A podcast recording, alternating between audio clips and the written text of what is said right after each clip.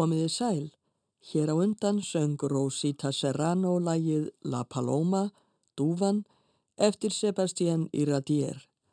Rudolf Spíra stjórnaði hljómsveitinni. Margir kannast við þetta lag, en nafn höfundarins, Sebastians Iradier, er ekki sérlega þekkt. Hann fættist í bænum Lanciego í Baskahérðum Spánar árið 1809 og lærði piano og orgelleik í Vitoria, helstu borg Baskahérðada sem einnig er nefnd Vitoria Gasteiz. Aðeins 16 ára gamall varðan organisti í kirkju heilags Mikjáls Erkeengils í Vitoria og tveimur árum síðar fekk hann organistastöðu í annari borg, Salvatierra. 24 ára gamall fór hann til Madrid og stundaði þar nám í tónsmíðum. Frá 1839 til 1850 var hann kennari í tónhern við konunglega tónlistarháskólan í Madrid. Árið 1840 komu fyrstu sönglaug hans út og á árunum sem í hönd fóru samti hann nokkrar Sarsuela óperur en það er sérstök óperutegund á Spáni. Tónsmíðar hans nutu vinselda og hann kynntist áhrifaríku fólki svo sem franska rítöfundinum Prosper Mérimée og greifadótturinni Eugeniu de Montijo sem síðar varð eiginkona Napoleons þriðja fraklandskeisara. Iradier ferðaðist til Parísar árið 1850 og kynntist þar meðal annara tónskáldinu Rossini. Napoleon III og Eugenia voru krynd keisari og keisarainja Fraklands árið 1853 og Iradier tilengaði þá Eugeniu óperu sína La Perla de Genil. Árið 1857 helt Iradier í mikla tónleikaferð á samt frægri alltsöngkonu Marietu Alboni. Þau fóru til Bandaríkjana, Mexiko og Kúbu og þetta varð örlagar í hverð, bæði fyrir Iradier og tónlistarsöguna. Í Havana og Kúbu kynntist Iradier danslögum með sérstökum takti. Það er tónform sem kent er við Havana og kallað Habanera. Lögin einkennast af þessu hljóðfælli. Eftir þessa ferð samti Iradier lægið La Paloma sem er einmitt habanera og hann samti líka aðra habaneru El Arreglito. Laugin urðu vinsæl og skömmu eftir Ameríkuferðina varð Iradier söngkennari Evgeníu keisarainju. En nokkrum árum síðar bundu veikindi enda á starf hans við fransku keisarahyrðina. Hann helt aftur til heimalandsins og andaðist í Vitoria árið 1865. Við skulum nú snú okkur að frönsku tónskáldi Georges Bizet sem fættist 1838 og var því tæplega 30 árum yngri en í radier. Árið 1872 pantaði Parísarleikúsið Opera Comique óperu hjá Bizet. Að sjálfsögðu varð Bizet hæst ánaður og lagði til að óperan yrði byggð á sögunni Carmen eftir Prosper Mérimée, rittöfundin sem Iradier hafði kynst í Madrid rúmum tveimur áratugum fyrr. Ludovík Alevi og Henri Mellac voru fengnir til að semja óperuteksta upp úr sögu Mérimée. Aðalpersonan, Carmen, er blóðheit síkunarstúlka sem er ekki við eina fjölina feld í ástamálum. Í óperunni syngur hún Arju rétt eftir að hún kemur í fyrsta skipti inn á sviðið og Arjan fjallar um það að frelsi sé ástinni nöðsynlegt. Hún hefst á orðunum L'amour est un oiseau rebelle, ástin er uppreysnar gjarnfugl. Bísi þótti mikilvægt að hitta á rétta tónin í þessari fyrstu Arju Carmenar og þar sem óperan gerist á spáni ákvaðan að nota spænst þjóðlag. Hann breytti læginu svo litið og úr varð einn frægasta óperuarja allra tíma, arja sem oftast er kölluð habaneran úr Carmen. Gallin var bara sá að lægið sem Bizet notaði var ekki spænst þjóðlag. Það var lægið El Arreglito eftir Sebastián Iradier. Þegar Bizet var bent á að lægið væri eftir Iradier, setti hann aðtúasemt inn í nóturnara Carmen þess efnis að Iradier væri höfundur þessa lags. Samt munu þeir ekki vera margir sem vita um hinn upprunalega höfund. En þetta þýðir það að Iradier hefur í rauninni samið tvær frægustu habanerur sem til eru, La Paloma og habaneruna úr Carmen. Samt verður þessa gæta að Bísi gerði svo lillar breytingar á læginu og setti sinn svip á það. Við skulum nú heyra bæði lögin, El Arreglito eftir Sebastián Iradier og Habaneruna úr Carmen eftir Georges Bizet. Fyrst syngur Isabel Bayraktarian El Arreglito í útsetningu eftir Peter Tiefenbach. Jamie Parker leikur á piano og Mark Fewer á fiðlu. Tekstinn er ástarljóð og titillin merkir litla bónorðið. Þá syngur Elína Garancia habaneruna úr Carmen, arjuna L'amour et oiseau rebelle. Í óperunni taka síkönastúlkur undir með Carmen í viðlæginu og það er Filharmoníu Kór Torino sem syngur með Elínu Garancia. Karel Mark Sisson stjórnar Symfoníu hljómsveit Ítalska ríkisútvarsins.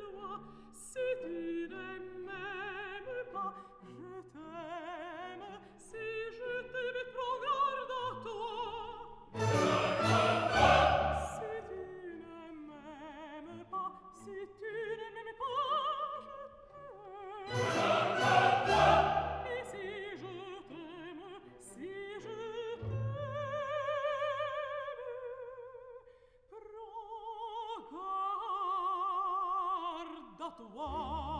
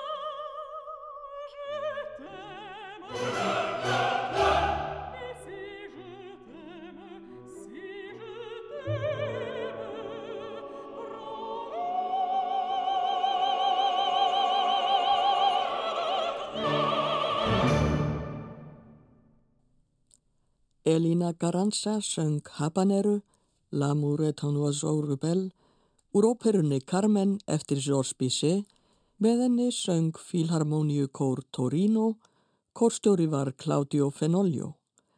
Sinfoníu hljómsveit Ítalska ríkisútvarsins leik, stjórnandi var Karel Mark Sissjón.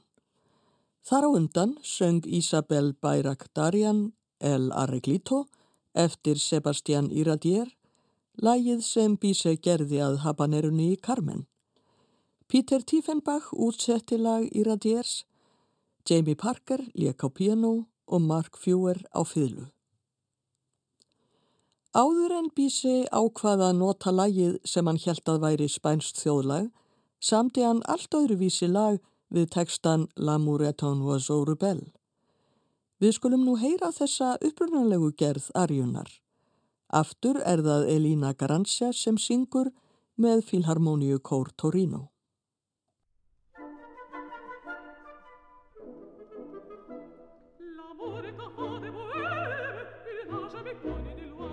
Si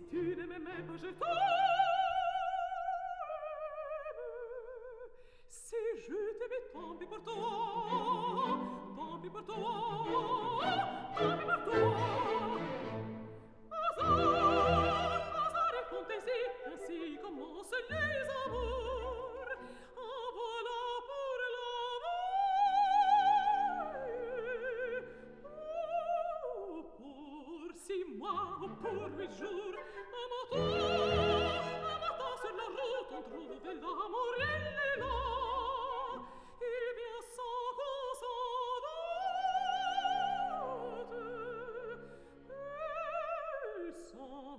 sans doute il s'en va, il vous prend vos enlèves. Il fait de vous tout ce qu'il veut, c'est un délice en rêve. Il sort ce que ça peut, ce que ça ce que ça.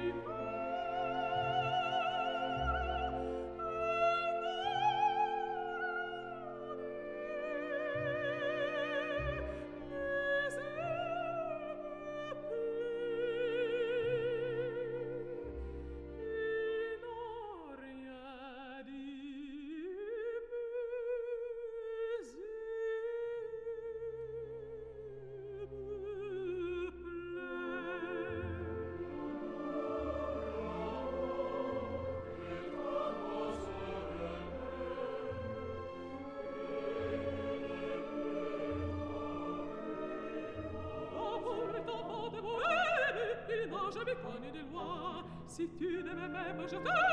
Si je t'aimais, tant pis pour toi. Si je t'aimais, tant pis pour toi.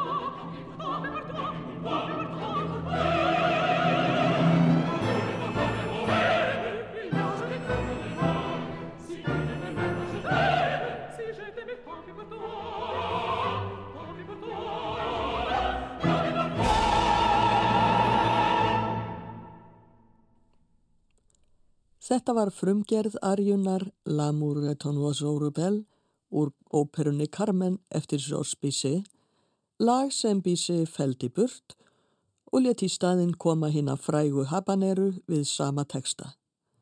Elina Garancia söng með Filharmoníu Kór Torino, kórstjóri var Claudio Fenoglio, Sinfoníu hljómsveit Ítalska ríkisútvarsins lék og stjórnandi var Karel Mark Sissó.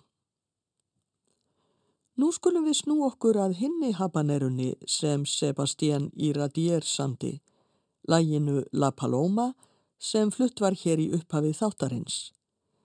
Heiti lagsins La Paloma merkir dúvan og textin er ástarljóð. Þetta lag hefur ekki síður orði vinsælt en habaneran úr Carmen, það hefur borist út um allan heim og talið er að fá lög hafi verið hljóðrituð oftar en La Paloma nema þá helst bítlalagið Yesterday. Árið 2008 gerði þýska kvikmyndagerðarkonan Sigrid Faltin heimildamyndina La Paloma Sehnsucht Weltweit um lagið La Paloma og útbreðslu þess. Í myndinni má heyra lagið spilað á mismunandi stöðum í ólíkum gerðum og tónlistin var gefin út á hljómdiski. Við skulum nú heyra nokkrar gerðir af læginu úr myndinni. Það á vel við að elsta hljóðritun af söngnum, ef hljóðritun skildi kalla, er einmitt varveitt á tónlistarsafninu í Havana, borginni sem allar habanerur draga napsitt af. Þetta reyndar ekki hljóðritun í hefbundnum skilningi, heldur spiladós sem gerðir á árunum 1883 til 1890. Spiladósin var áður í eigu kúpverska skáldsins Jose Martí og konu hans Carmenar Sayas Basan.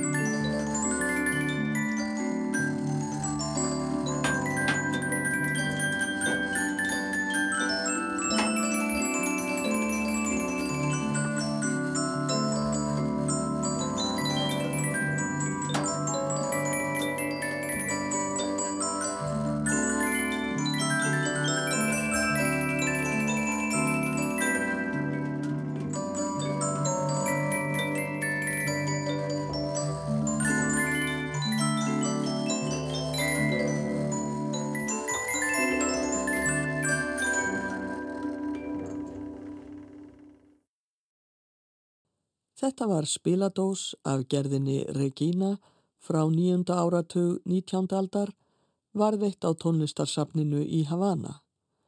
Og við skulum heyra aðra gerð af læginu frá Kúbu. Kúbverski tónsmiðurinn og pianoleikarin Ernesto Lecuona leikur hér lægið.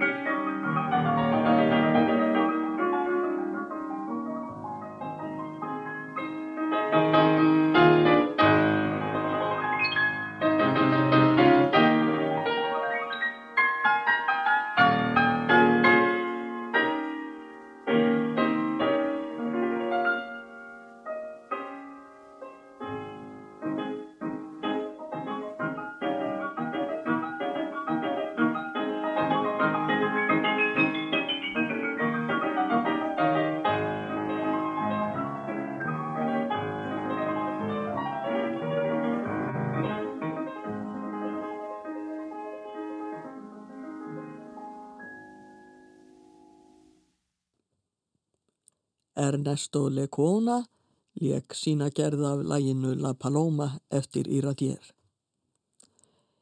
Engan þarf að undra þótt lægið hafi orðið vinsælt á kúpu í upprunalandi habaneirunar.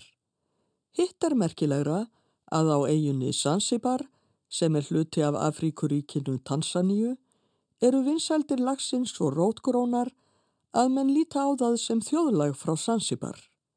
Venja er að syngja það við brúðkaup þarum slóðir. Söngvari frá Zanzibar, Makame Faki, syngur nú lægið.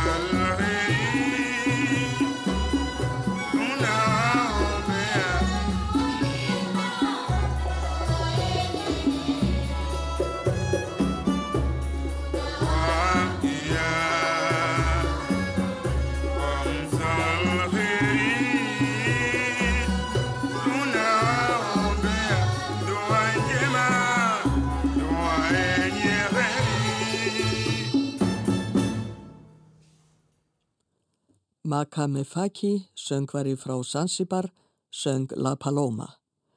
Eins og áður sagði er hefð fyrir því á Zanzibar að syngja lagið við brúðkaup. Í banatjeraði í Rúmeníu hefur það hins vegar verið venja, engum meðal fólks af þýskum uppruna, að leika lægið við jarðarfarir.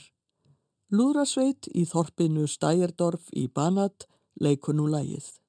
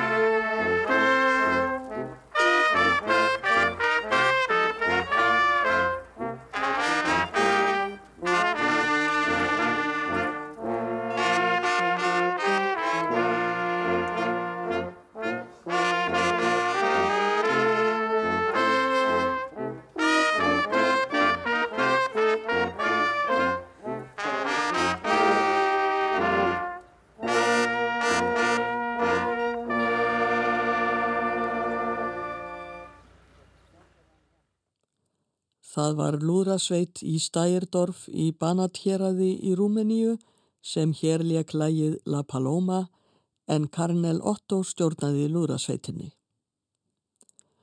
Afganski söngvarinn Ahmad Zahir var gífurlega vinsæl í heimalandi sínu og víðar á 8.20. aldar og kallaður Elvis Afganistans. Eitt þeirra söngva sem hljóðritaður var í flutningi hans var La Paloma.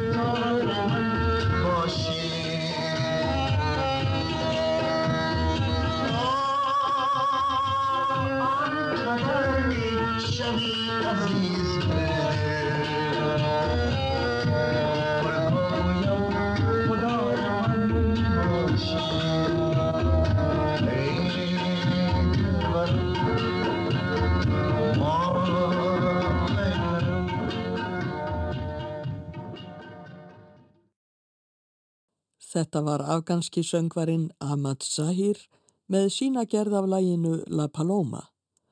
Og þá skulum við heyra kínverska gerð af læginu. Hér er það sungið í fjöldasöng í Peking.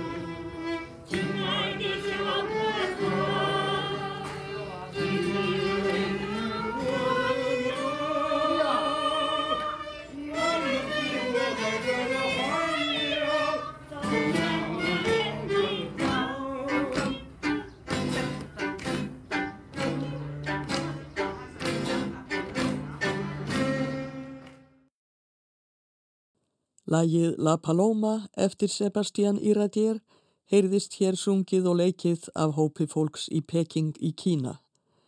Við höfum nú heyrt allmargar og ólíkar gerðir af læginu og varla hefur höfundin grunað þegar hann samtiðað í kringum 1860 að það ætti eftir að gera svona viðreist. En hvað um aðrar tónsmíðar Iradiers? Isabel Bayraktarjan syngur nú tvo söngva eftir hann sem eiga það sameiginlegt að fjalla um ungar og fríðar stúlkur sem líkt er við perlur. Fyrir söngurinn heitir Juanita og la Perla de Aragón, Juanita eða Perlan í Aragóníu. Setni söngurinn heitir La Perla de Triana, Perlan í Triana, en Triana er hverfi í borginni Sevilla.